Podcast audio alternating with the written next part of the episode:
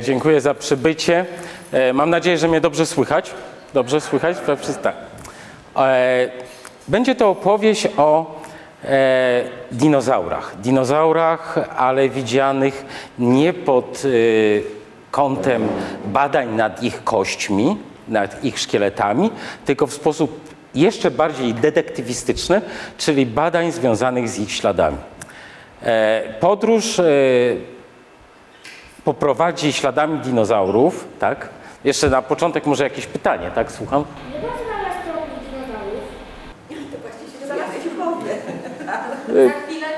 Miliony to była przesada, tysiące. Tysiące na pewno. Nie będziemy wędrowali w prostej linii od Tatr do Bałtyku, tylko tak troszeczkę meandrami. To od razu uprzedzam. Będziemy robić Dokładnie, coś takiego. E. trochę inaczej. Także zapraszam w imieniu, e, zresztą ja już byłem przedstawiony w imieniu Państwowego Instytutu Ekologicznego i tak okrągłej okazji, jaką jest 20. Festiwal Nauki w Warszawie.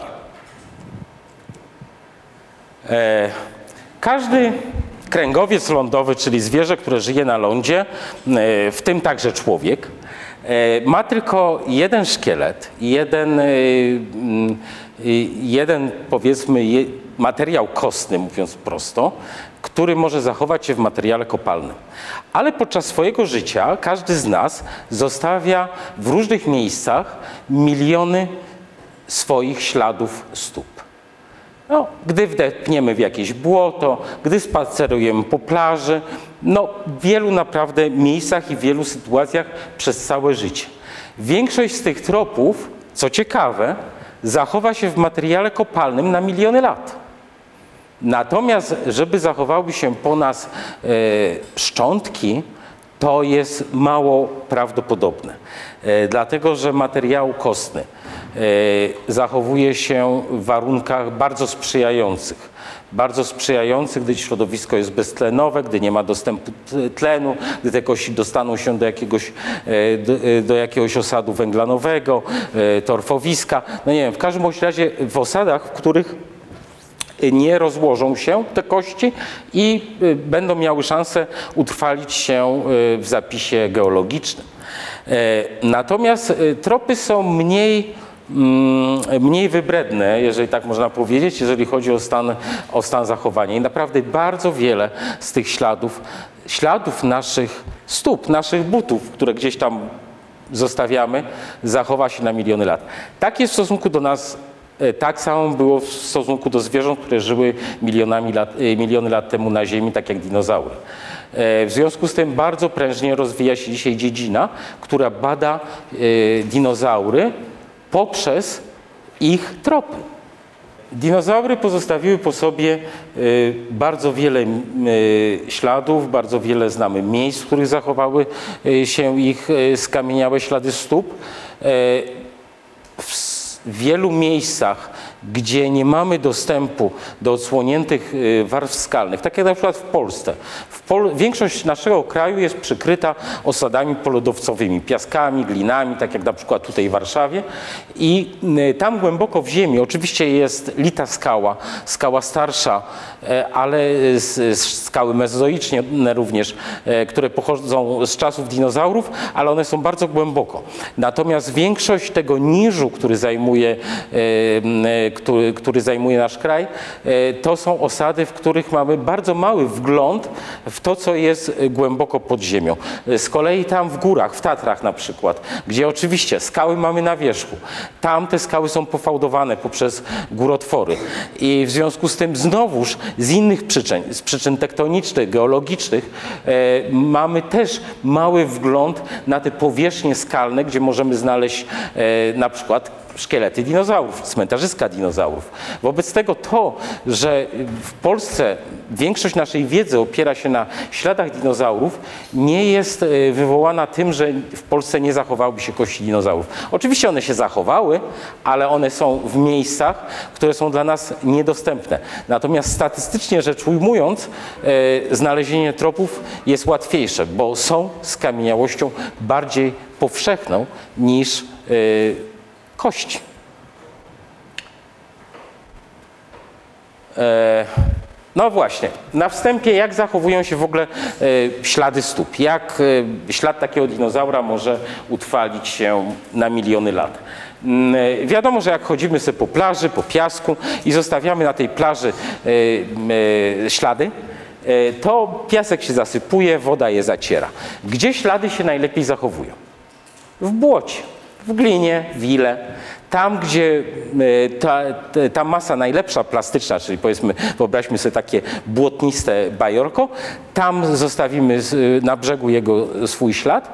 Ten ślad wyschnie podczas lata, nawet potrafi być utrwalony przez wiele letnich, suchych miesięcy i potem na przykład jesienią, jak jest przypływ wody, taki ślad zasypie piasek, nie mówiąc już o takich większych wydarzeniach jak mała powódź, gdzie rzeka bardzo szybko wylewa i zasypuje nowym osadem te wyschnięte ślady. I z takimi przypadkami mamy tutaj do czynienia no, dosłownie w, w zasięgu ręki, ponieważ takie zjawiska zachodzą tutaj nad naszą rzeką nieuregulowaną, jaką jest Wisła tutaj w Warszawie. Więc powiedzmy, jeżeli ta Wisła wyleje, te ślady, y, ten błotnisty osad przykryje, przykryje świeży piasek, y, potem następna warstwa, następna warstwa i w ten sposób w tej Dolinie Wisły te ślady mają szansę zachować się miliony lat. E, Także ślady faktycznie zachowują się na błotnistym osadzie. E, z reguły taki błotnisty, y, ilasty osad pod spodem ma piasek. Piasek, piasek y, poprzednio naniesiony przez, y, przez rzekę, przez wodę. Y, Gdy ten piasek, o, którym mówiłem, nowy, przykryje taki ślad, wtedy to zostanie, zostanie zabezpieczone następnymi, następnymi warstwami gdzieś głęboko w ziemi. Po milionach lat y, piasek ulegnie lityfikacji, zamieni się w twardą skałę, w piaskowiec i zazwyczaj zostaje dalej w taki, taką substancją luźną i lastą y, i jeszcze skamienieje nam ta warstwa podściełająca trop, y, trop zostawiony w ile, warstwa pod tym tropem, którą nazywamy podtropem. To jest taki duch śladu zostawiony przez e, osad. Więc e, bardzo ciekawą rzeczą jest to, że zazwyczaj ludzie jak oglądają e, jakieś odsłonięcia ze śladami dinozaurów i mają te odciski po prostu wklęsłe, no to myślą, ok, to jest fajne tropy, tutaj chodziły dinozaury. Tak faktycznie to, na co ci ludzie patrzą, to są podtropy. Natomiast właściwe tropy są zachowane jako naturalne odlewy. Gdy odspoimy tą warstwę piaskowca do góry, to będzie wypukły ślad, który jest naturalnym, jak gdyby, e, tak jakby gipsowym odlewem, tylko że on jest w piaskowcu, tej łapy, która się utrwali, której ślad utrwalił się e, w, te, w tym ile. No to jest proces zachowywania się tropów nie tylko dotyczący dinozaurów, ale też zwierząt starszych od dinozaurów i zwierząt e, tych, które żyły po dinozaurach w erze kenozoicznej w tym również ludzi. E, dinozaury pojawiły się e, na, e, znaczy one pojawiły się mniej więcej w środku okresu triasowego. E, tutaj mamy taką skalę czasu, e, 250 milionów lat, 200 milionów lat, 145 milionów lat i 65 milionów lat, co jest końcem okresu kredowego i tak samo e, końcem ery dinozaurów. Czyli tutaj mamy erę mezozoiczną, kreda, jura i trias to jest era, era mezoiczna, okresy ery mezozoicznej i dinozaury się gdzieś tutaj w środku okresu triasowego pojawiły i ewoluowały w stronę bardzo różnych dinozaurów. Y, Popularnymi dinozaurami oczywiście są dinozaury drapieżne, teropody, z których wywodzą się ptaki i do których faktycznie należą ptaki. Także y, z tej perspektywy patrząc, dinozaury nawet nie wymarły, dlatego że one, e, potem będą pytania, e, e, e, bo one żyją do dzisiaj. Uskrzydlonymi, uskrzydlonymi dinozaurami, które fruwają, to są po prostu ptaki. I jedyna, i to jest zarazem jedyna grupa dinozaurów, która przetrwała do dzisiejszych czasów. E, e, Inną grupą są prozauropody, e, kuzyni przodków zauropodów. To są te e, roślinożercy, największe zwierzęta, jakie kiedykolwiek stąpały po ziemi, z długimi szyjami, z długimi ogonami. I to są dinozaury tak zwane gadziomiednicze, których budowa miednicy jest podobna e, według badacze, którzy w XIX wieku je tak nazywali, podobna do e, e, gadów. Natomiast to tak naprawdę nie jest gadzia miednica. Ona jest bardzo ptasia w swojej budowie, dlatego, na, dlatego ptaki są dinozaurami gadziomiednicznymi. A paradoksalnie dinozaury ptasio-miedniczne to ptaki nie są dinozaurami ptasio-miednicznymi. To są szczątki nas, które zostały, e, zostały nam e, ofiarowane od pierwszych badaczy dinozaurów, którzy sobie tak te dinozaury poklasyfikowali. Jedne nazwali gadziomiednicznymi, drugie nazwali ptasio-miednicznymi. Te ptasio-miedniczne nie mają miednicy takiej jak ptaki. Ptaki mają miednicę e, dinozaurów gadziomiednicznych. No to jest bardzo, e, bardzo dezorientujące dla, dla wielu ludzi, ale warto o tym po prostu powiedzieć, że gdy mówię o dinozaurach ptasio-miednicznych, to chodzi o te dinozaury, które bardzo są inne od ptaków. Jeżeli mówię o dinozaurach gadziomiedniczych, to są te dinozaury, które są bardzo niegadzie, natomiast bardzo podobne do ptaków, a, a, a, nimi również są ptaki. Więc to jest troszeczkę tak na zasadzie takiego anglosaskiego dowcipu, że ten kubek jest, y, y, nazywają go białym, ale on oczywiście ten kubek jest czarny i zawsze był czarny. Więc to, ale wszyscy nazywają akurat ten biały, a biały nazywają czarny. Y, No tutaj mamy właśnie taką, ta, taką śmieszną sytuację. Każde z dinozaurów zostawiały ślady yy, ukierunkowane w odmienny sposób. Już nie mówię o tym, że te ślady oczywiście każdej z grup dinozaurów się od siebie różnią. E, to jeszcze możemy bardzo łatwo rozpoznać dinozaury e, po chodzie. Mianowicie e, teropody pozostawiały ślady tak jakby w jednej linii, wszystkie ukierunkowane do przodu. E, Zauropody zostawiały ślady w ten sposób, że wykręcały stopy trochę na zewnątrz. Czyli pozostawiały takie ślady jak e, Charlie Chaplin, gdy chodził na filmach, może oglądaliśmy fi- filmy z Charlie Chaplinem, jak chodził, to zostawiał tak, stawiał tak stopy. Gdyby był e, dinozaurem, no to byśmy go podejrzewali o to, że jest zauropodem. E, natomiast odwrotnie dinozaury ptasio-miedniczne, czyli ta duża grupa dinozaurów, do których należą dinozaury kolczaste stegozaury, dinozaury pancerne, czyli ankylozaury, e, ornitopody e, i dinozaury rogate. Ta ogromna grupa dinozaurów zostawiała e, ślad, wykręcając stopy troszeczkę do wewnątrz. Pomimo, że stopy tej, tej grupy dinozaurów, oczywiście, bo to jest bardzo duża grupa, były bardzo różne, to jednak system pozostawiania śladów był, był ten sam. I w ten sposób możemy już na pierwszy rzut oka, nawet mając na zdjęciu, nawet e, jak badacz tropów ogląda zdjęcie, jak mu ktoś pokazuje szlak tropów dinozaurów na telefonie komórkowym z małą rozdzielczością zrobione, to już może rozpoznać już tak na oko, y, z którą z grup dinozaurów ma do czynienia w danym znalezisku, który kolega pokazuje.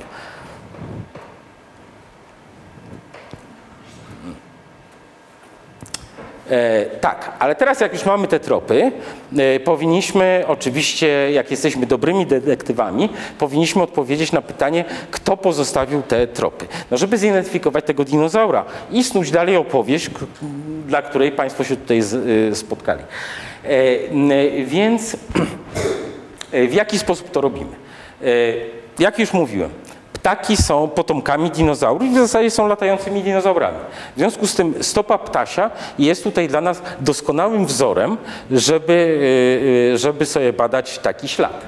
A mianowicie, jak mamy, tutaj jest prześwietlenie kurzej łapki, e, to zauważymy w, w stopie ptaka pewną charakterystyczną cechę, a mianowicie każda z poduszek palcowych, poduszki palcowe to jest to, te opuszki po prostu, każda z tych opuszek, poduszek palcowych znajduje się pod stawem, czyli to jest dokładnie na odwrót niż tutaj u nas w naszych ludzkich dłoniach, gdy, gdzie poduszki leżą pomiędzy, pomiędzy stawami, prawda? Z, y, y, no, robimy tak i wiemy, że poduszka jest, jest tutaj. Natomiast w ptasiej stopie jest dokładnie na odwrót. Poduszka znajduje się pod stawem. Jeżeli wiemy o tej bardzo ważnej rzeczy, wtedy możemy na podstawie takiego tropu, w którym widzimy też poduszki palcowe, czyli te opusz- opuszki. Tutaj są trzy, w palcu środkowym dwie, w palcu, w palcu zewnętrznym. E, Jak widzimy te poduszki w dobrze zachowanych śladach, wtedy możemy co zrobić? Możemy zrekonstruować szkielet stopy dinozaura, który pozostawił dany trop. A jak mamy ten szkielet stopy, to mamy go na zasadzie listu gończego. Czyli mamy taki list gończy y, ze wszystkimi parametrami. To potem się mierzy, są na to matematyczne wzory i tak dalej, ale o tym nie będę mówić. E, dokładnie, bo nie ma sensu. W każdym razie mamy taki list gończy i teraz możemy sobie ten, ś- ten szkielet stopy porównać do szkieletów dinozaurów, które gdzieś tam zostały wykopane. Podczas ery dinozaurów w większości wszystkie kontynenty były połączone w jeden superkontynent, który nazywamy Pangeą. W związku z tym podobne gatunki, podobne rodzaje dinozaurów mogły żyć w różnych częściach obszaru Pangei. Nie było y, większości czasu ery dinozaurów, nie było, nie było oceanów, więc jak gdyby y, bardzo to łatwo porównywać, bo szkielet może być wykopany w Arizonie, a tropy, które pasują do stopy tego szkieletu znajdujemy w Górach Świętokrzyskich. I to jest całkiem ok, jeżeli to jest początek e, na przykład Jury, gdzie te kontynenty jeszcze są ze sobą e, zespolone.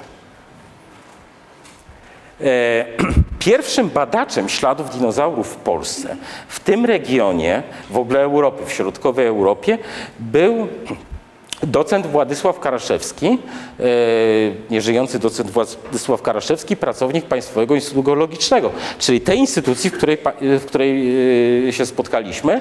E, Pierwsze ślady, które on opisał z Gór Świętokrzyskich, opisał je w 1959 roku, czyli mniej więcej w połowie XX wieku. E, Koniec XX wieku e, należał do, do mnie, to znaczy ja e, od 1983 roku badałem ślady dinozaurów w Górach Świętokrzyskich, idąc tropami dinozaurów, ale też i w pewnym sensie tropem pana docenta Karaszewskiego. W XXI wieku, my jesteśmy teraz w XXI wieku, e, zgodnie z sukcesją, e, głównym takim badaczem na naszym obszarze jest e, dr Grzegorz Pieńkowski i dr Grzegorz Niedźwiecki, którzy badają, badają te, ślady, te ślady dinozaurów obecnie.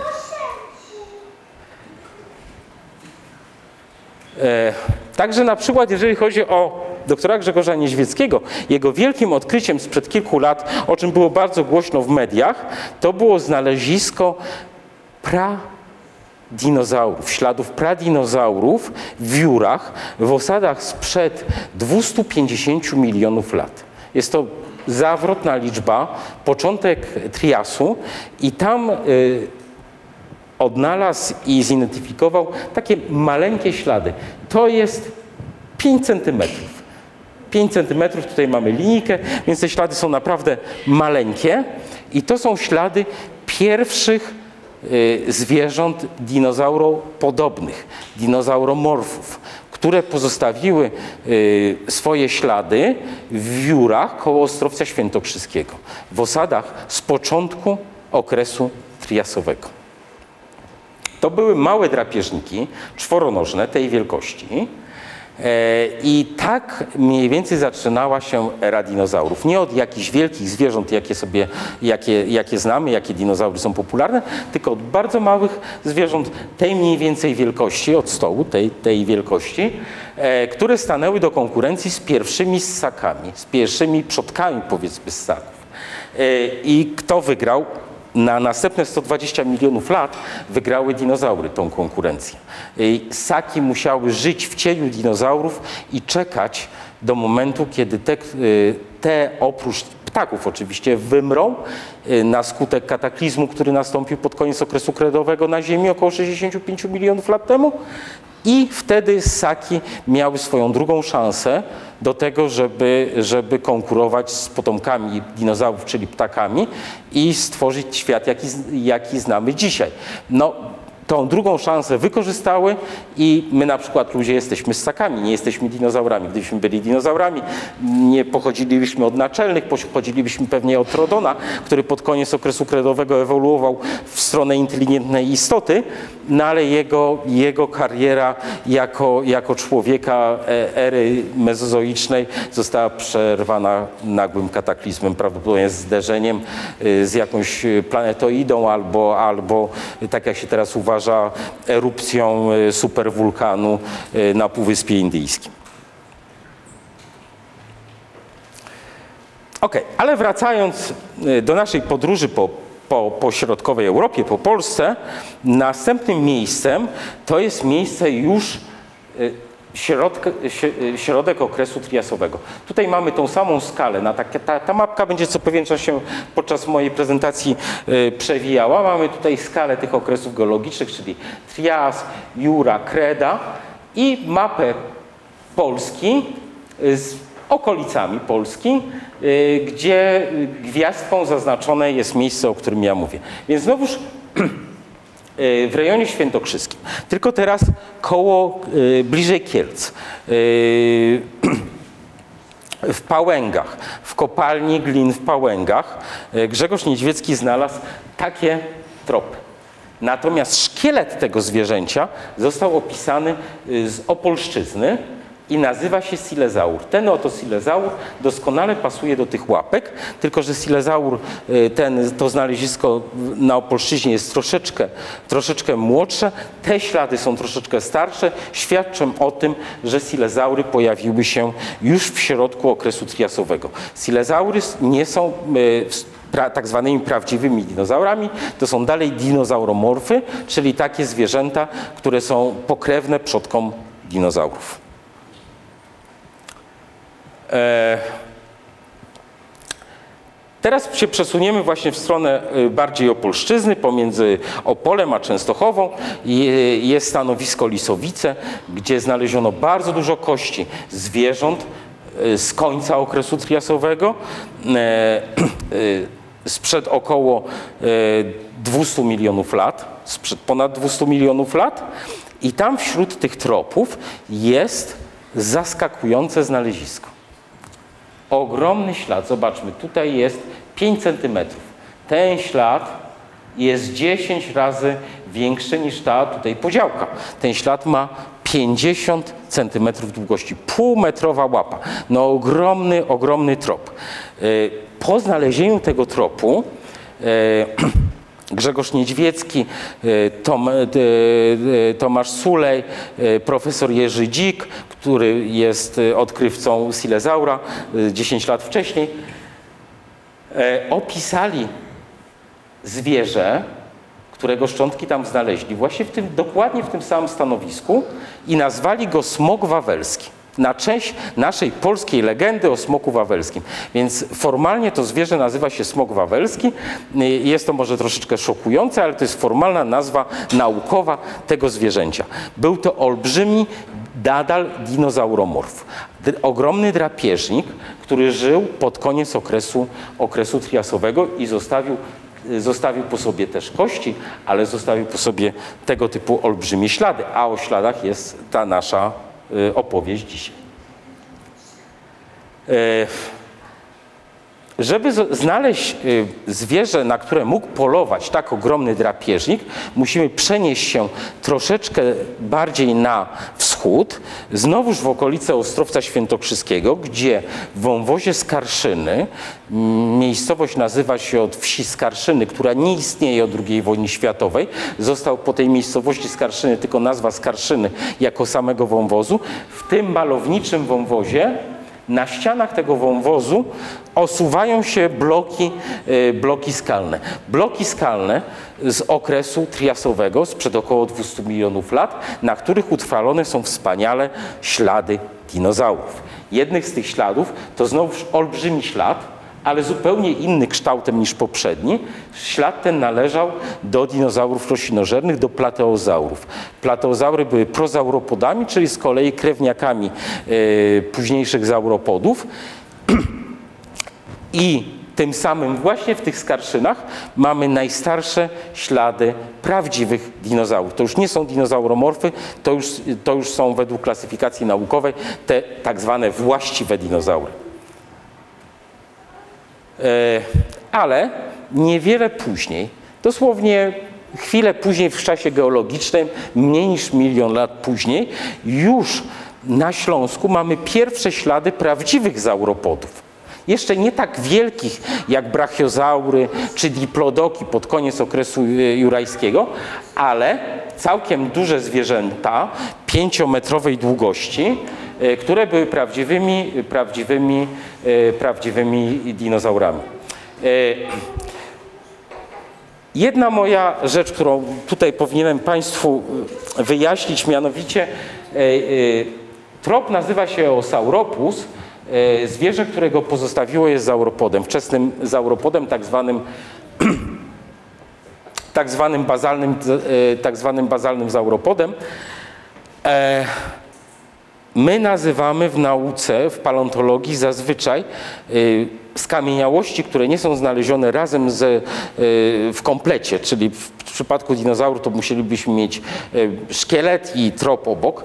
Jeżeli to nie jest obok siebie, a wiadomo, że nie jest obok siebie, y, to my te skamieniałości, które są tropami, nazywamy inaczej, a zwierzęta oparte na materiale kostnym nazywamy inaczej. Czyli powiedzmy, jeżeli y, ten ślad pozostawił na przykład wulkanodon, to jest jeden z takich prymitywnych zauropodów, to trop nazywamy Eosauropus, natomiast zwierzę nazywamy wulkanodon, ponieważ zwierzę jest określone na podstawie badań szczątków kostnych, natomiast trop jest określony na podstawie badań morfologii samego śladu jako śladu, czyli przede wszystkim mamy do czynienia z odciskami palców.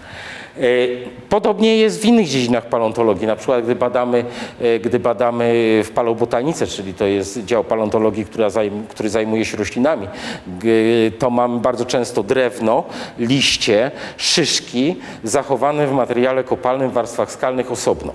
I teraz y, liście mają inne nazwy, drewno ma inną nazwę, inne elementy tego drewna też dostają, tego drzewa dostają swoją inną nazwę, bo nie mamy tego drzewa zachowanego jak gdyby w komplecie, tylko ono jako już materiał kopalny, jako, jako martwe, martwa roślina rozleciało nam się po prostu w tej warstwie skalnej i mamy wszystkie jego elementy oddzielnie. Także jest to standard w paleontologii, że wszystko nazywa się inaczej, bo jest znajdowane po prostu fizycznie oddzielnie. Więc ten trop nazywa się Osauropów, a sprawcą jego był y, taki oto y, dinozaur, który, y, który prawdopodobnie był isanozaurem. Isanozaura znaleziono na Grenlandii. E, w najpóźniejszym okresie triasowym, e, 200 milionów lat temu, mamy skały, e, które nazywają się warstwami tomanowej w Tatrach. I tam w Tatrach mamy bardzo przedziwną sytuację. To jest w zasadzie ten punkt, od którego my y, rusz, y, ruszamy naszą wycieczkę, prawda? Bo mamy y, tytuł, tytuł tego, tej mojej prezentacji od Tatr do Bałtyku. A więc tutaj w Tatrach mamy pierwszy świat jurajskich dinozaurów, chociaż skały wcale nie są jurajskie, skały są triasowe. Jest to w ogóle bardzo dziwna historia, która wymaga jeszcze wielu badań naukowych. Mianowicie tropy, które znaleźliśmy w Tatrach, w czerwonych źlepkach. E, No, one Tutaj mamy po prostu, tak jak mówimy, od Tatr do Bałtyku, każdy o czym myśli, o terenie Polski. Ale oczywiście od Tatr do Bałtyku to nie jest do końca e, teren Polski, e, dlatego że czerwone źlepki, ta warstwa, która zawiera tropy dinozaurów, znajduje się no, 10 metrów fizycznie od granicy e, Rzeczypospolitej Polskiej. Czyli to jak gdyby y, nie, nie jest Polska, no ale y, blisko, prawda? Metry po prostu. I co tam, e, co tam mamy znalezione? Takie maleńkie ślady. Znaczy maleńkie jak maleńkie. No one mają 10, około 10 centymetrów tropy. Tutaj jest trzonek młotka geologicznego. E, Te tropy pozostawiły lesotozaury. Lesotozaury są natomiast e, dinozaurami, to są roślinożerne dinozaury ptasiomiediczne. E, Przodkowie późniejszych różnych dinozaurów ptasiomiedniczych, łącznie z dinozaurami rogatymi, które żyły na początku okresu jurajskiego.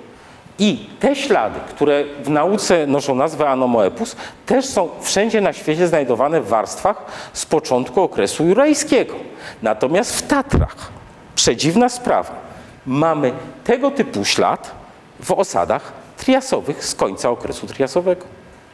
Co więcej, kolejny ślad z Tatr jeszcze bardziej dobitnie świadczy o tym, że mamy tutaj do czynienia jak gdyby z fauną dinozaurów jurajskich, a nie triasowych. Mianowicie jest to ślad Caentapus. Caentapus y, nazwa Caentapus pochodzi od formacji Cayenta w zachodniej części USA, gdzie w e, Arizonie odsłaniają się warstwy tejże formacji Cayenta i tam dobitne mamy znalezisko. Tutaj jest przez Indian y, Navajo, którzy są właścicielami tego gruntu, y, ogrodzone kamieniami, to znaczy obłożony taki krąg kamienny.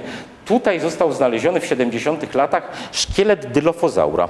Natomiast wokoło tego miejsca, tutaj widzimy, są ślady nazwane Caentapus, od formacji Caenta, czyli od nazwy tych skał. I y, które znowu nazywają się od, od miejscowości Caenta w Arizonie, gdzie te skały też się odsłaniają. Ale w każdym razie to jest szkielet wydobyty tego dylofozaura. I teraz co więcej, stopa tego dylofozaura zachowana kompletnie, wszystkie kostki, pasuje doskonale do tropów typu Caentapus. I, I to jest y, Dolna Jura, czyli początek okresu jurajskiego, y, czyli ewidentnie i tropy tatrzańskie są ewidentnie typem Caentapus, czyli jest sprawą jasną, że te zwierzęta żyły na ziemi y, w okresie, na początku okresu jurajskiego. Tatry są absolutnie wyjątkowym miejscem, gdzie tego typu tropy mamy w osadach triasowych. E, no ale wędrujemy dalej. Przesuwamy się w czasie do góry, czyli jesteśmy w tej chwili już w Jurze. I, no i w Jurze mamy bardzo dużo miejsc w Polsce ze śladami dinozaurów i również czasami z kośćmi dinozaurów. Dinozaury jurajskie, szczególnie na początku okresu jurajskiego, na terenie, na terenie naszego kraju, a głównie w rejonie świętokrzyskim, nie stworzyły jednego świata w jednym okresie czasu. Mamy tutaj do czynienia z wieloma światami dinozaurów. To jest jeden, drugi, trzeci, czwarty, piąty, szósty. W zasadzie sześć różnych światów, różne środowiska. O co tutaj w zasadzie w tej tabelce chodzi? To te nazwy Hetang, Synemur, Piensbach to są jednostki czasowe, na które dzielimy z kolei e, Dolną Jurę, czyli ten fragment, tą jedną trzecią Jury, którą nazywają geolodzy Jurą Dolną. I to są poszczególne jednostki czasowe tej Dolnej Jury. E, Natomiast tu mamy formacje skalne. Co to są formacje skalne? No, formacja skalna jest to jakiś zespół osadów. Czyli powiedzmy dzisiaj wiadomo, że e, na pustyni powstaje inna formacja skalna niż e, na torfowisku, gdzie, mamy, gdzie powstaje formacja powiedzmy węglowa, prawda?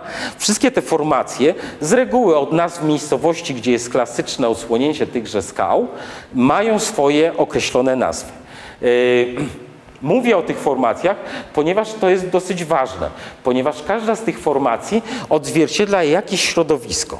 Czyli wiadomo, że torfowisko jest totalnie czymś innym niż pustynia, prawda? Także torfowisko, y, po torfowisku pozostają zupełnie inne osady skalne niż po osadach y, pustynnych.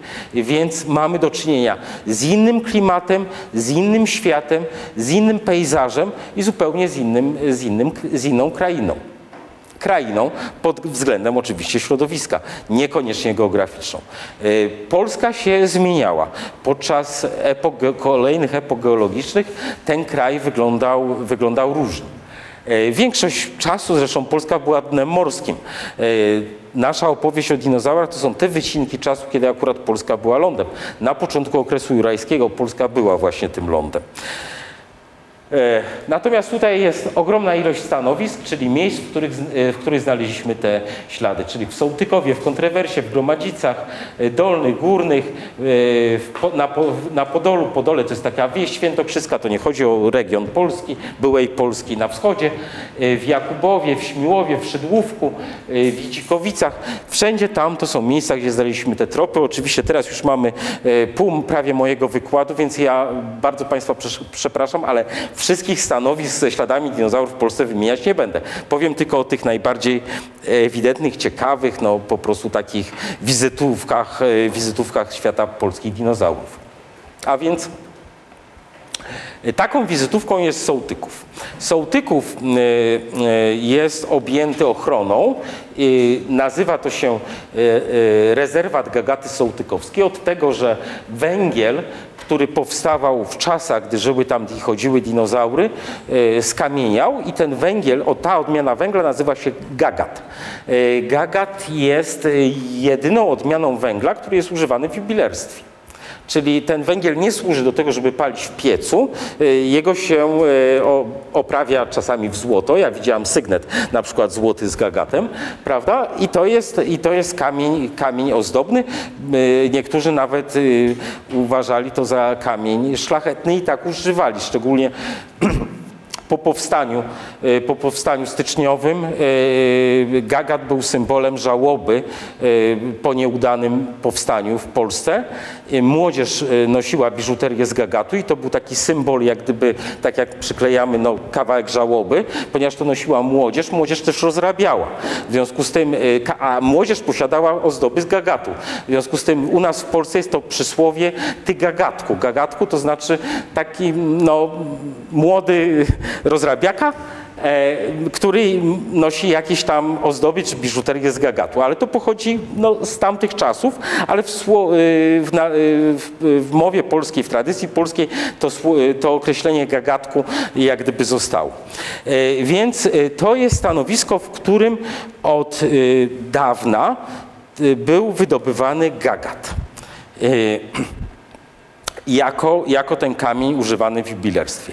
I w tym samym stanowisku, co nie jest wcale dziwne, no bo tam, gdzie mamy węgiel, tam był ląd, tam były rośliny, tam był, było środowisko, gdzie mogły żyć zwierzęta, a mamy to okres, e, początek e, okresu rajskiego, więc jakie zwierzęta? Dinozaury przede wszystkim.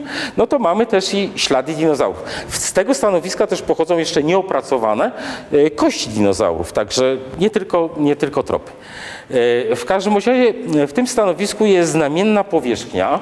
Tutaj jest ona zadaszona i otwarta dla publiczności, także Państwo mogą tam pojechać i sobie, i sobie obejrzeć tą powierzchnię. Tam jest parking, tam są ścieżki, drogowskazy, informacje, tablice informacyjne, także jest to, jest to e, całkowicie dostosowane dla turystyki. Pod tą zadaszoną powierzchnią mamy taki oto kompleks śladów. Teraz opowiem, co to jest w ogóle. To jest. Tak to wyglądało. Tak to wygląda pod dachem, tak to wyglądało przed zadaszeniem, gdy robiłem zdjęcie, e, zdjęcie jeszcze e, przy świetle, prawda, bez tego dachu, bez cieni. E, Są to ślady dinozaurów, zauropodów, wczesnojurajskich zauropodów, które cztery ścieżki, które idą w tę stronę, a z tej strony w kształcie litery V, o tutaj to widzimy na rysunku, tutaj cztery ślady różnych zauropodów, idą ścieżki dinozaurów drapieżnych. Tak to wyglądało. Aha, i jeszcze bardzo ciekawa rzecz. E, te roślinki, z których mamy na przykład ten gagat, ten węgiel, e, ślady, ślady w osadzie korzeni roślin to jest mniej więcej ten obszar. Czyli tutaj były zarośla, to był, to był brzeg jakiegoś starorzecza, taki, takiego jeziorka małego i wzdłuż tego brzegu sobie spacerowały e, cztery, cztery młode zauropody. Y, Z tej strony natomiast y, przypuściły na nie atak dwa drapieżniki. Z- Jak widzimy, zauropody skręcają te ścieżki w lewo, czyli uciekają od ataku dwóch drapieżników. Drapieżniki, y, drapieżniki te dylofozaury, bo to są dokładnie dylofozaury, czyli trop typu Kajentapus, y, który, o którym już mówiłem, y, y, mówiąc o Tatrach. On, e, te dwa zwierzęta atakują dokładnie tak samo jak, lw, jak lwice na afrykańskiej sawannie. Po prostu biorą z dwóch stron, wypadają w krzaki na wybraną ofiarę. Jakieś młode, prawda, osobniki, ale nadciąga pomoc. I ślady tej pomocy również mamy utrwalone tutaj dalej na tej powierzchni. Są to dwa duże zauropody, osobniki, które wypatrzyły, że coś złego się dzieje, że co, ktoś, jakieś drapieżniki zagrażają młodym i, wypa i wypadły tutaj naprzeciw y, do obrony. Co się stało więcej? No pff, nie wiemy, dlatego że tutaj jest powierzchnia wyerodowana i nam jak gdyby zapis tej całej historii, ta klatka filmowa, która powinna nam utrwalić, troszeczkę nam się porwała przez te 200 milionów lat.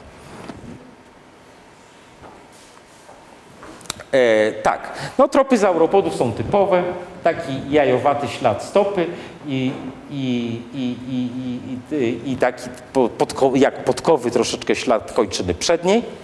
E, tropy te nazywają się parabrontopodus i są najstarszymi tropami e, takich zaawansowanych już zauropodów na Ziemi. To znaczy dzisiaj to już nie, nie najstarsze dokładnie, dlatego że mamy jeszcze konkurencję w północnych Włoszech, w Alpach Włoskich, gdzie też e, badacze włoscy odnotowali w skałach o tym samym wieku co Sołtyków tego typu ślady. No i mamy oczywiście te ślady dylofozaurów, o których już wspominałem wcześniej które pojawiły się y, w Tatrach jako najstarsze, co stanowi wielką zagadkę. E, Ale w Sołtykowie, poza tym miejscem wytyczonym dla turystów, y, dalej jest y, bagno, no, mo- podmokły teren, tak jak w starej nieczynnej kopalni, co nie jest zaskakujące. E, I wzgórza, e, wzgórza, hałdy lub po prostu osady e, kopalniane, na których to hałdach mamy już nawet nie tysiące, miliony, całe hałdy w zasadzie z tego zbudowane, miliony takich fajnych rzeczy. Co to jest? Jak to wygląda Państwu? To są odchody, malutkie odchody. W nauce kopalne odchody nazywamy koprolitami. Odchody malutkich zwierząt. Zwierzętami małymi, które mogły zostawić w Sołtykowie te, trop, te odchody, były heterodontozaury. Ślady heterodontozałów też znaleźliśmy w Sołtykowie, nazywają się dela- delatorichnus i tak to wyglądał ten, ten, y, ten fajny zwierzak. Te ślady łatwo zidentyfikować jako heterodontozaurów, dopasować do kończyn heterodontozaura. Te, te dinozaury mm, zachowały się prawie kompletny, kompletne, kompletny szkielet, przynajmniej jeden szkielet kompletny, kilka mniej kompletnych. W każdym razie mamy bogaty na świecie znaleziony materiał kostny tych, y, ty, ty, tych dinozaurów, więc łatwo, łatwo tutaj porównać, że na pewno chodzi o het- heterodontozaury. A same w sobie były bardzo ciekawymi zwierzętami. Były to pierwsze ornitopody, czyli przodkowie, dalecy przodkowie na przykład y, dobrze znanych kredowych iguanodonów. Były to zwierzęta roślinożerne, aczkolwiek y, miały ssacze uzębienie. Zęby trzonowe na górze, kły na górze i na, dorze, na dole i rząd zębów, y, zębów trzonowych. Y, podobnych w budowie do wszystkożernych, wszystkożernego uzębienia świń. Także no, bardzo przedziwne zwierzę. Jak się patrzymy na ten obrazek tego pyska, no to nawet nie za bardzo to kojarzymy prawda, z dinozaurem. To bardziej nam przypomina jakiegoś ssaka. E, były, e, były niezwykłymi zwierzętami, chociaż malutkimi. E, oczywiście mamy też szlify kości, no i w kościach to, co powinienem powiedzieć, e, y, brak, e, brak struktur, które wskazują na to, że były to zwierzęta zmiennociepne, tak jak gady. Były to oczywiście zwierzęta stałociepne. Tak jak wiemy, jak przypuszczamy, jak były wszystkie dinozaury, czyli mówiąc prosto, zwierzęta ciepłokrwiste. E, Sołtyków na początku Dolnej Jury, 200 milionów lat temu, e, to była równia zalewowa, czyli to były takie jakieś e, mandrująca rzeka, bagna i tak to mniej więcej wyglądało. Skały, które powstały w, w wyniku osadzania się tych bagiennych osadów, to jest formacja zagajska. Tak od miejscowości Zagaje, tak nazywamy tą formację. Czyli tak wtedy wyglądał na początku okresu jurajskiego nasz polski świat dinozaurów. Ale zaledwie kilka milionów, 3 miliony lat później i Polska e, została zalana przez płytkie morze, które wtargnęło od północnego zachodu ku południowemu wschodowi, przedzielając nasz kraj tak jakby trochę na pół, wzdłuż tak struktury geologicznej, która nazywa się bruzdą śródpolską. E, Wzdłuż tego płytkiego morza e, był system lagun, delt, no po prostu brzeg małego morza, małego powiedzmy zatoki morskiej. E, I na tym brzegu żyły dinozaury, ale już kompletnie inna fauna dinozaurów niż ta, którą znamy z Sołtykowa. E, Sam brzeg z niewiadomych powodów upodobały sobie scelidozaury. One zostawiały tego typu ślady, to, były czworonoż, to byli czworonożni przodkowie dinozaurów pancernych i rogatych. E, zostawiały ślady, które nazywamy, nazywamy Moinzauropus, kompletne szkielety, czy kompletny jeden szkielet i kilka szkieletów fragmentarycznych znamy z, e, z osadów w Anglii z osadów o tym samym wieku, ale z osadów morskich. E, Te zwierzęta po prostu były nieostrożne, szły za, brzyd, za blisko brzegu morskiego i pochłonęła ich, wpadły do wody, utopiły się. M- Martwe, martwe zwierzę znalazło się w głębi morza, opadło na dno morza, zachowało się w całości. Ale co to znalezisko świadczy? Znaczy to, że i te ślady z Polski, i ten szkielet z Anglii świadczą o tym, że z jakichś dziwnych powodów scelidozaury uwielbiały chodzić nad brzegiem morza. E, Bardzo e, dziwna sprawa, bo były to zwierzęta roślinożerne. E, Tam nie było dużo roślinności nad tym brzegiem morza. Dlaczego one tak, tak żyły? Dlaczego e, to środowisko było wyjątkowym środowiskiem do tego, żeby je penetrowały, żeby tam przebywały, zostawiały swoje ślady e, i, i swoje szczątki? No, pff, tą, na tą zagadkę kiedyś znajdziemy odpowiedź, na razie nie wiemy dlaczego. E, na plażach tego piaszczystego morza mamy też y, kolejne znaleziska. Mamy ślady dinozaurów drapieżnych. Mamy ślady młodych zauropodów, które sobie przychodziły nad brzeg, e, dlatego że tam była niskopienna roślinność, a maluchy miały jeszcze te, były małe po prostu i miały szyje krótkie. Nie mogły tak jak dorosłe osobniki obgryzać tych wysokich konar drzew, jak to ro, robiły duże dorosłe zauropody, tylko miały tą niższą roślinność, więc ta niska roślinność y, przyciągała zauropody, które zostawiały tam swoje ślady stóp. No i mamy też trop, który również nazywa się Moinzauropus, ale nie pasuje do tropów, e, do tropów scelidozaurów, jest czymś większym. Szkielet tego zwierzęcia nie jest odkryty, ślady mamy, szkieletu nie. E, Podejrzewa się, że to były pierwsze stegozaury, przodkowie stegozaurów.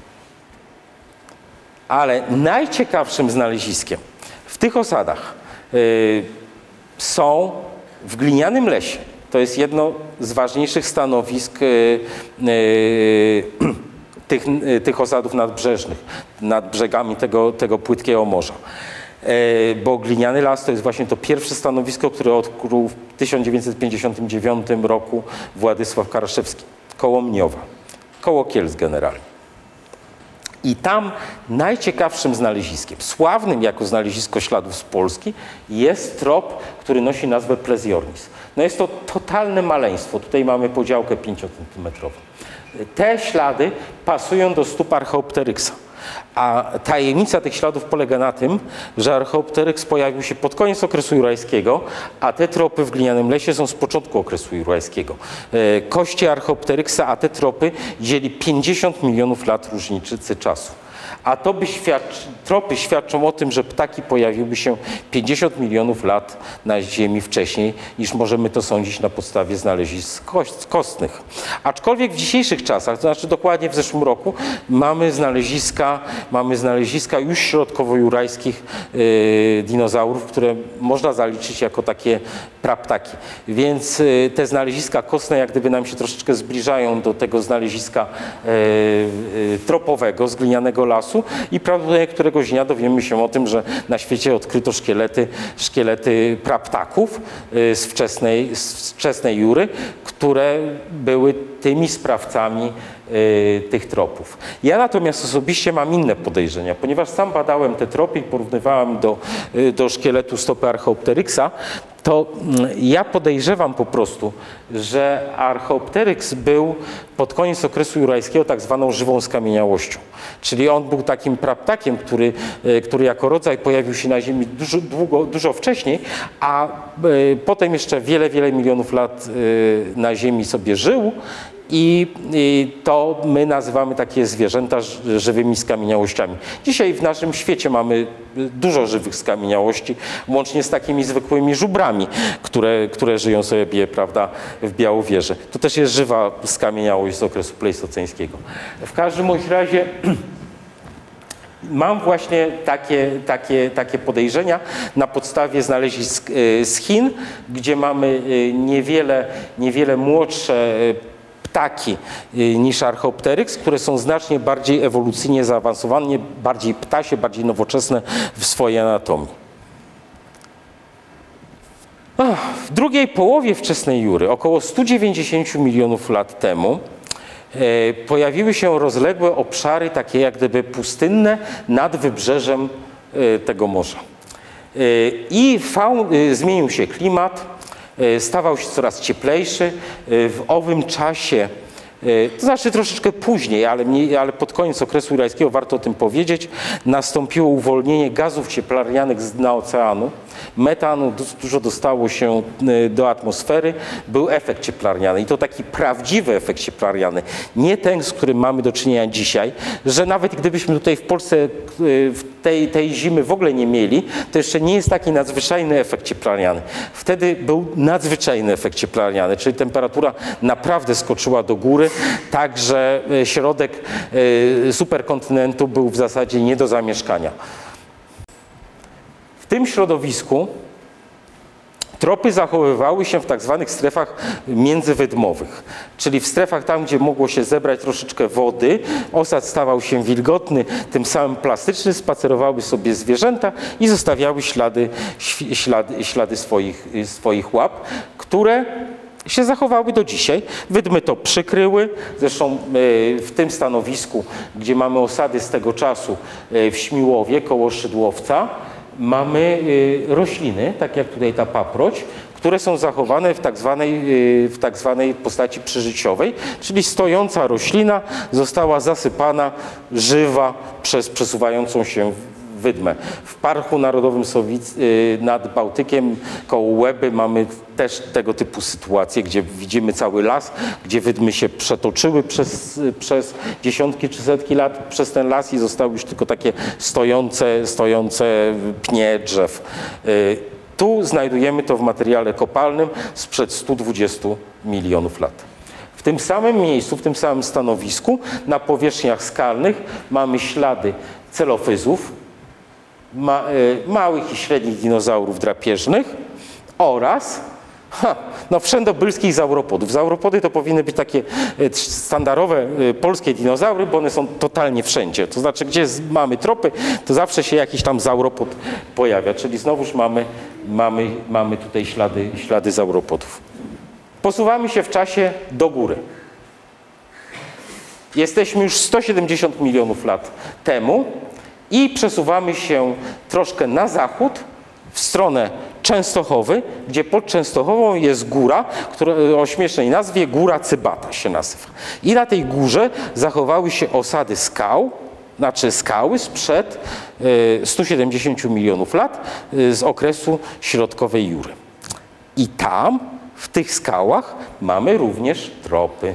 Tropy dinozaurów, bardzo dziwnych dinozaurów. Tak oto te dinozaury wyglądały. Dinozaury, które pozwalają mi przypuszczać, że to znalezisko e, najstarszych śladów ptasich z glinianego lasu to rzeczywiście ślady ptasie. Dlatego, że to zwierzę e, Alwarezaur się to nazywa, to zwierzę, do, których, do którego pasuje ten trop z góry, y, z góry Cybatej koło Częstochowy, by wygląda w zasadzie anatomicznie jak nielotny ptak. E, prawdopodobnie Pierwsze ptaki, które pojawiły się na Ziemi, bardzo szybko w toku ewolucji z nich powstawały gałęzie, linie, które stawały się wtórnymi nielotami. Tak było w całej historii ewolucyjnej ptaków, że ptaki ewoluując przez dzieje Ziemi, co pewien czas z nich wywodziły się jakieś tam nieloty. Strusie, kuraki, pingwiny, właśnie, dziękuję. Różne, różne i one nie, są, nie pochodzą od jednego incydentu, że jakieś ptaki postanowiły przestać latać i zasiedliły z powrotem ziemię. E, To było wiele niezależnych od siebie incydentów. I tak było na samym początku prawdopodobnie ewolucji ptaków.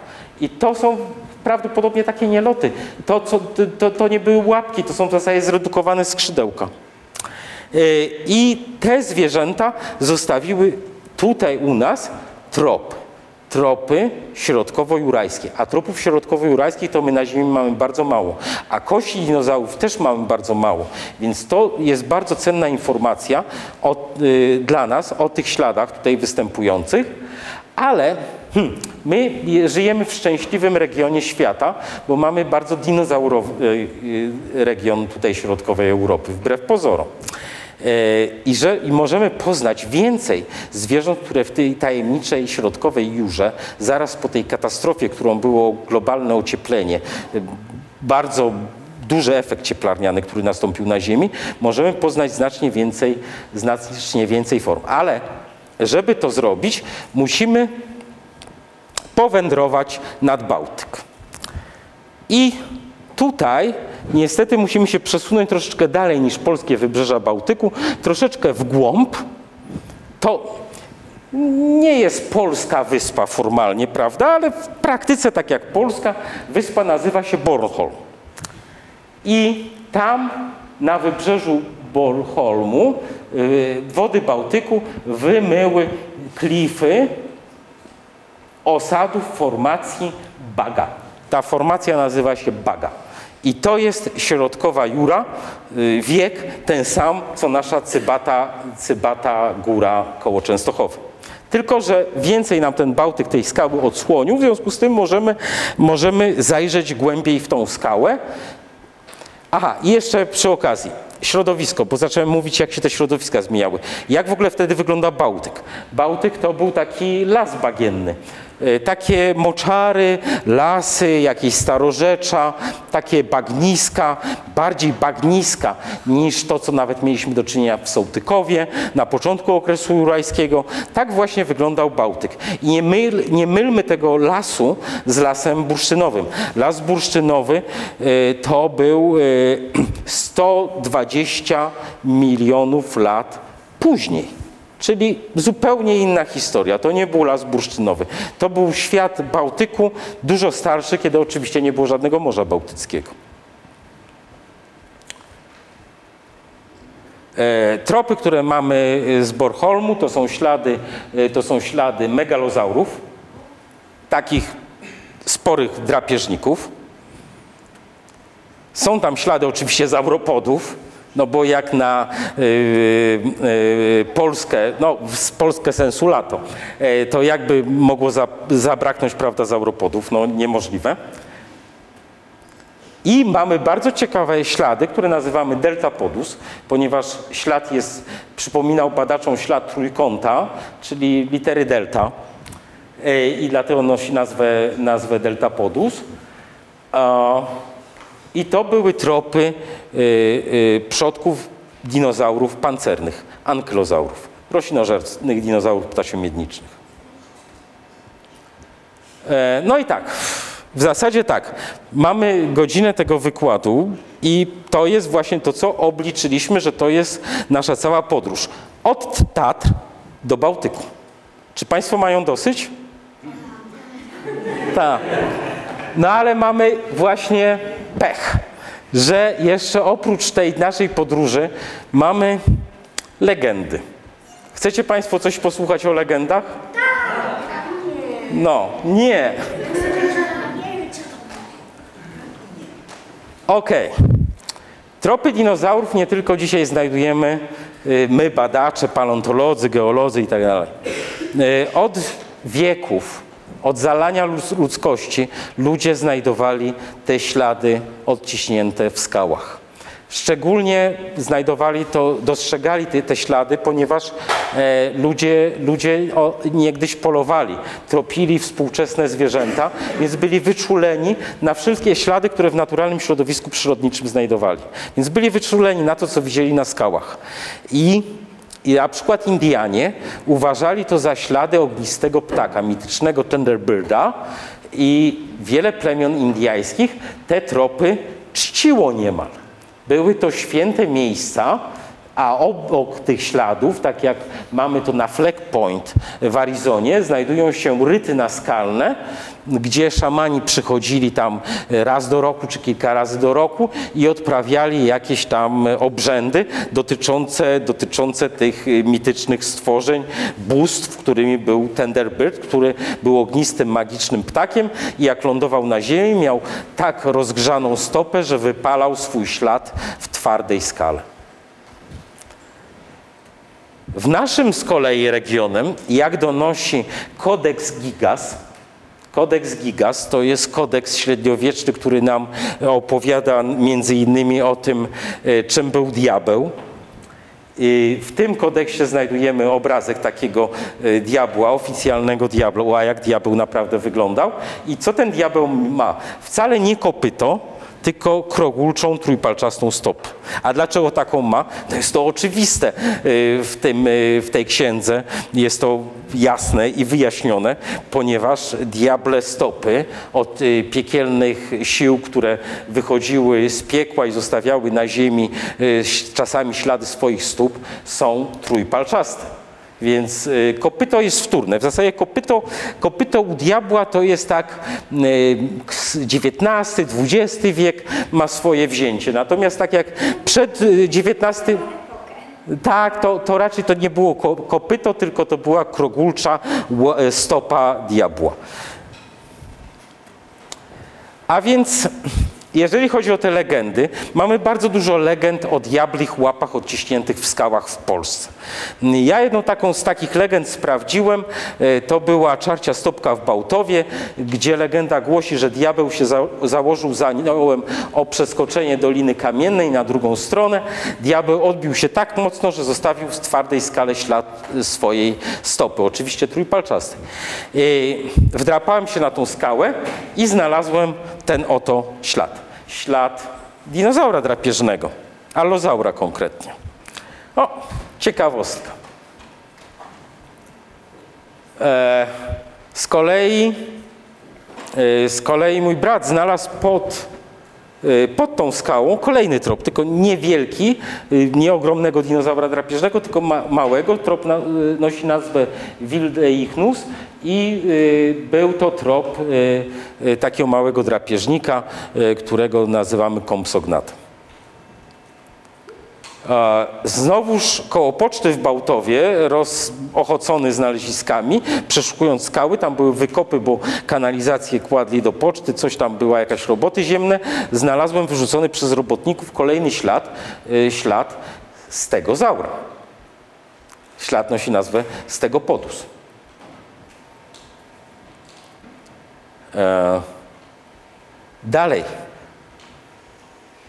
Znalazłem, że te skały y, ciągną się dalej i dalej y, na wschodnim obrzeżeniu Gór Świętokrzyskich, w okolicach Ostrowca Świętokrzyskiego.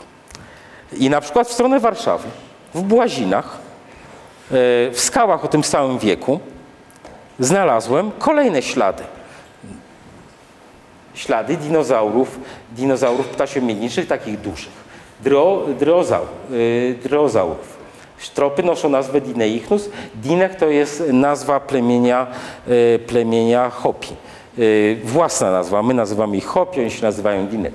I, na, I pierwsze ślady tego typu są znane y, z końca okresu jurajskiego, sprzed 150 milionów lat, ze Stanów Zjednoczonych. E, Identyczne ślady z tego samego okresu występują w Polsce. Właśnie też dalej idąc e, tropem rozpoczętym w Bałtowie. No i oczywiście zauropody, no jakby nie mogło być zauropodów, ale to bardzo dziwne zauropody, bo jest to brontopodus, czyli ślad ogromnego brachiozaura. Tylko, że brachiozaury miały 20 metrów y, długości, 20 metrów wysokości, no potężne, naprawdę potężne zauropody, a ten trop jest mały, tej wielkości. Y, Zastanawiałem się na tym, czy to jest okaz młodego.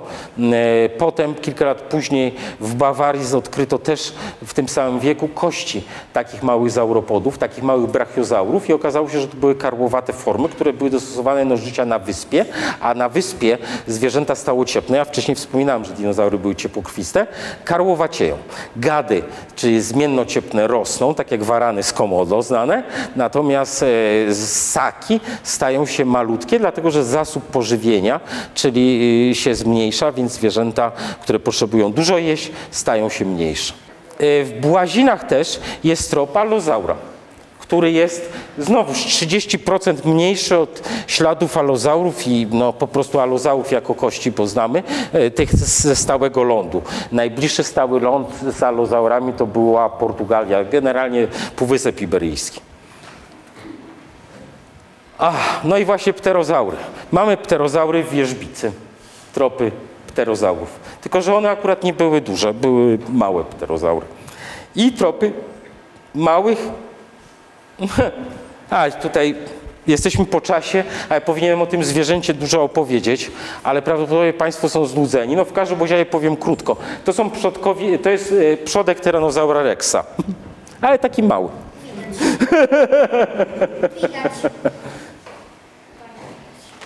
E, Także w wyniku tej legendy, tropienia tej legendy, która zaczęła się od tropienia w Bałtowie, to nie tylko w Bałtowie powstał Park Jurajski, ale przede wszystkim zostały odkryte cztery stanowiska nowe ze śladami dinozaurów, ze śladami dinozaurów z końca okresu jurajskiego sprzed 150 milionów lat. Czyli zupełnie nowy świat dinozaurów, których, nie, których byśmy nie znaleźli, gdyby nie legendy. A dlaczego byśmy nie znaleźli w ogóle? A, bo jak ja szukam śladów dinozaurów, to biorę mapę geologiczną, dane e, geologiczne, jak geolodzy interpretują dane skały. Nigdy bym nie szukał w tym miejscu, to jest mapa geologiczna Gór Świętokrzyskich, nigdy bym nie szukał tutaj śladów dinozaurów. Dlaczego? Ha, bo jest pewien problem. W tych skałach te skały nie są piaskowcem, tylko wapieniem. Te skały powstały na dnie morskim z osadzającego się materiału morskiego, szczątków morskich organizmów. W tych skałach występuje dużo szczątków korali. Występują zachowane rafy koralowe. To nie są skały w ogóle lądowe. Więc skąd tam w ogóle y, miałyby się wziąć dinozaury? W tym czasie formalnie Polska była zalana morzem.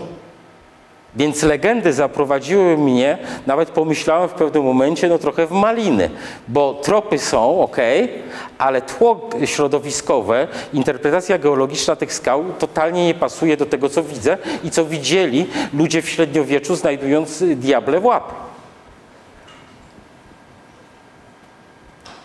Ech, Ale potem się przyjrzałem, że y, to jest y, to, co się nazwało, y, nazwaliśmy bałtowskim syndromem, to nie dotyczy tylko Polski. Y, W Wyoming y, są, są tropy karmelopodów w środkowej Jurze, no to tak jak to jest z góry Cybatej. Wszystko fajnie, tylko że na górze Cybatej mamy piaskowce lądowe, wszystko jest ok, ale w Wyoming to jest środek ówczesnego morza. I te tropy, które widzimy, są utrwalone w wapieniu, tak samo jak w Bałtowie. E, Te wspaniałe tropy, które są e, z, okresu, z końca okresu jurajskiego, czyli tak jak te w Bałtowie, są utrwalone w wapieniu morskim e, na wschodzie stanu Colorado. Te tropy sławne z Teksasu, z Palaxy River w Teksasie, również są w wapieniach w osadach, e, to są kredowe ślady, e, w osadach morskich. Więc ten bałtowski syndrom mamy wszędzie na świecie. A jeżeli chodzi o Europę, w Hiszpanii na przykład, w Katalonii, stanowisko Fumania, gdzie te ślady, no, wypiętrzone na skutek górotworu, na ruchów tektonicznych, wypiętrzone na, na takiej prawie pionowej skale, też są w osadzie morskim, w osadzie wapiennym. No i y, ekstremalny przykład, ocean Tetyda. gdzie e, na środku tego oceanu, e, to znaczy to było w owym czasie w Kredzie na środku oceanu, dzisiaj jest to Apulia we Włoszech, e, są też ślady dinozaurów. Coś jest nie tak, prawda? E, No więc musimy przyjrzeć się, jak wyglądały kontynenty e, w okresie jurajskim. Popatrzmy na te kontynenty. Co tutaj widzimy? No oczywiście kontynenty, tutaj się coś nie rozsunęło nam do końca, prawda? Tutaj już się fajnie rozsunęło. No taki zupełnie inny obraz Ziemi niż znamy to z globusa współcześnie. Ale y, to, co jest znamienne, to jest mnóstwo bardzo płytkich stref morskich. Widzimy tutaj? Dzisiaj na Ziemi nie mamy tyle płytkich mórz, takich bardzo płytkich które rozciągają się na ogromnym obszarze. Dlaczego tak było? Nie mamy na biegunach e, czap lodowych. Poziom od wszechoceanu jest wyższy. To, co nas teraz przy ociepleniu klimatu ostrzegają, że miasta przybrzeżne zostaną zalane, prawda? Z tych miast będziemy mieli takie, takie morza, takie płycizny sięgające setki kilometrów po kolana, prawda? E, To się nazywa platformy węglanowe. Platformy węglanowe, ponieważ w takich płytkich morzach odkłada się węglan wapnia, powstaje właśnie ten osad wapienny i to nazywamy, yy, nazywamy platformami węglanowymi. Dzisiaj mamy z taką platformą węglanową w miniaturce na przykład do czynienia, yy, yy, jest nią Zatoka Meksykańska. Państwo oglądali yy, Piratów z Karaibów może? Tak? Tam jest taki biały świat platformy węglanowej, Karaiby po prostu. No i jaką mamy na Karaibach sytuację? No taką, że możemy e, dziesiątki kilometrów wejść sobie w tą, w tą zatokę, prawda, tak po, kola, po kolana, a nawet od strony Florydy to się uda tak po kostki, w głąb gdzieś bardzo daleko. E, W czasie i są jeszcze przypływy i odpływy. No w czasie odpływu e, robi się, robi się środowisko lądowe, to tutaj jest przypływ. Czyli tutaj jedno takie drzewo dostosowane w czasie przypływu, prawda, wystaje tylko góra. Tutaj te wyspy się oddzieliły. W czasie odpływu to wszystko się łączy i jest strefa lądowa. Czyli to jest taki przedziwny świat z pogranicza lądu i morza. A na tym, w tym świecie żyją, na, w tych środowiskach lądowych, które e, nazywa się, botanicy nazywają hamokami, czyli wiszącymi lasami, lasy wiszące na platformie węglanowym, żyją zwierzęta i to takie całkowicie normalne, tylko karłowate, tak jak wysło, wyspowa karłowatość właśnie się zaznacza. Te jelenie floryckie są 30% mniejsze e, od tych, które żyją na stałym lądzie. E, I one zostawiają oczywiście w tym osadzie, takim białym tutaj osadzie, zostawiają swoje ślady. Te ślady, tak jak w innych miejscach się zachowują, tylko potem geolodzy mogą być zdezorientowani, dlatego że mamy tropy, ale w osadzie, gdzie wszystko, to co przykrywa i to co jest y, na dole, wszystko jest osadem morskim, wapieniem. O, no tak.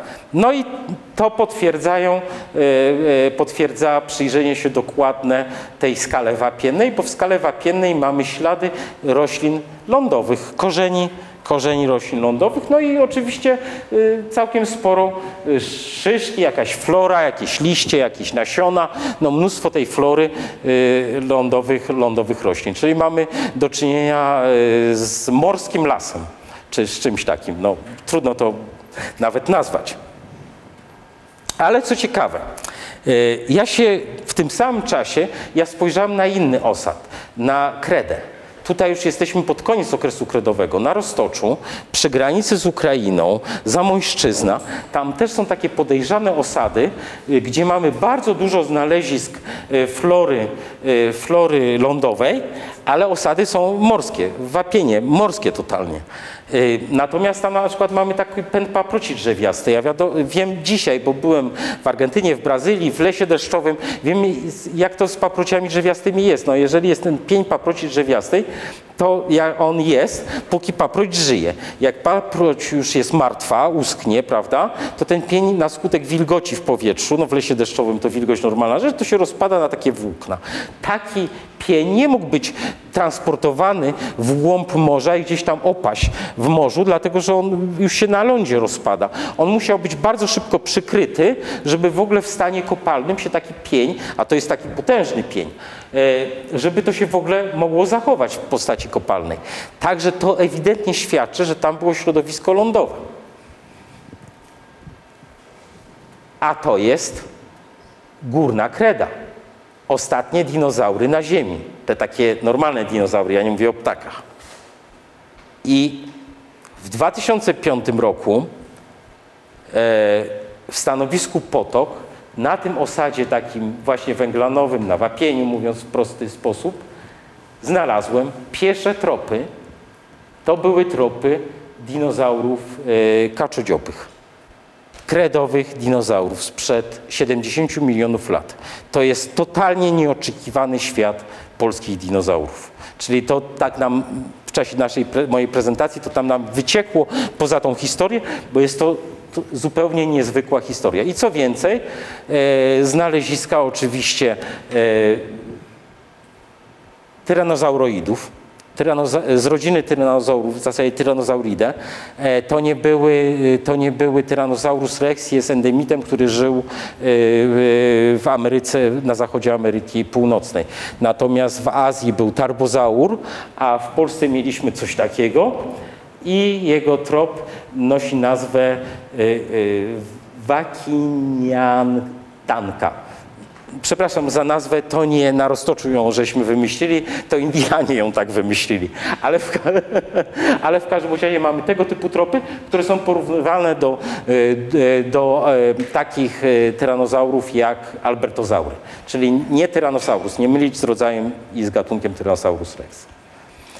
Mamy też tam tropy terizinozaurów, niezwykłych, niezwykłych dinozaurów, które są jedynymi teropodami, czyli dinozaurami drapieżnymi, które były faktycznie roślinożercami. Tak jak panda jest drapieżnikiem, ale je bambus, prawda?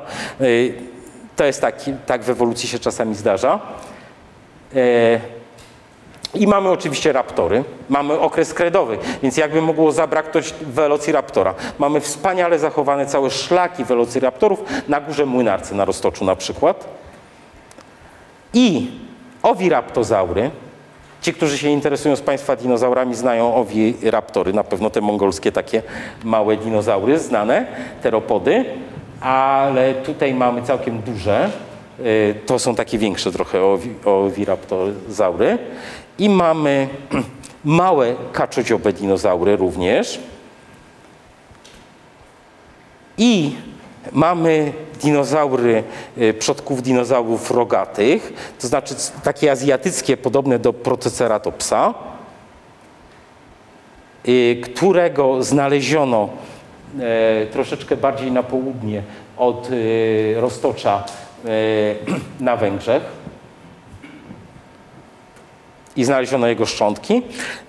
Generalnie jest to fauna, mamy na roztoczu faunę azjatyckich dinozaurów z Chin i z Mongolii. Przypuszcza się, że był to, że ta fauna pochodzi naprawdę z Azji i przypłynęła do nas na lądzie uralskim. Jak to się działo? Tutaj jesteśmy 140 milionów lat temu w Kredzie, tak wyglądał globus ziemski. Tutaj żyły te sobie dinozaury, prawda? Tutaj gdzieś są Chiny, tutaj gdzieś jest Mongolia, tutaj był ten kontynent azjatycki. Zwróćmy uwagę, co się dzieje z tym przez następne miliony lat. Oddziela się, przybija do lądu wschodnioeuropejskiego i potem nam te azjatyckie dinozaury, które przyjechały tym uralskim autobusem, wysiadają nam na lądzie wschodnioeuropejskim, a Roztocze to nie jest zachodnia jak gdyby Europa, to jest jak gdyby wschodnia Europa w tym sensie paleogeograficznym, jeżeli chodzi o kredę. Dobrze, teraz już naprawdę kończę. Na zakończenie tylko powiem, gdzie, można, gdzie mogą Państwo zobaczyć te wszystkie okazy. A więc triasowe tropy, te, o których mówiłem na samym początku mojej, mojej prezentacji, możemy zobaczyć w Muzeum w Lisowicach pomiędzy Częstochową a Opolem.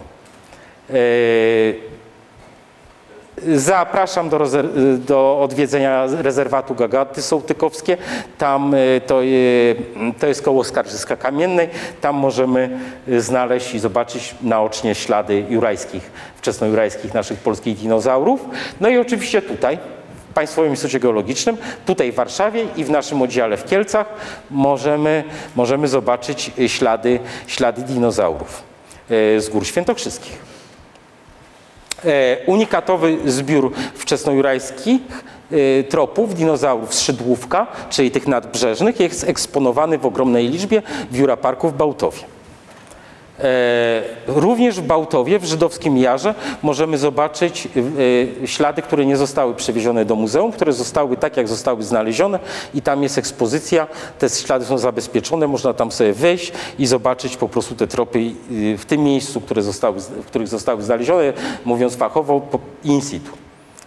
E, Ekspozycję e, śladów, piękną ekspozycję śladów e, z Gór Świętokrzyskich, taka piękne muzeum w zasadzie, bo to jest muzeum i znajduje się w Starachowicach. Jest to w obrębie Muzeum Przyrody i Techniki.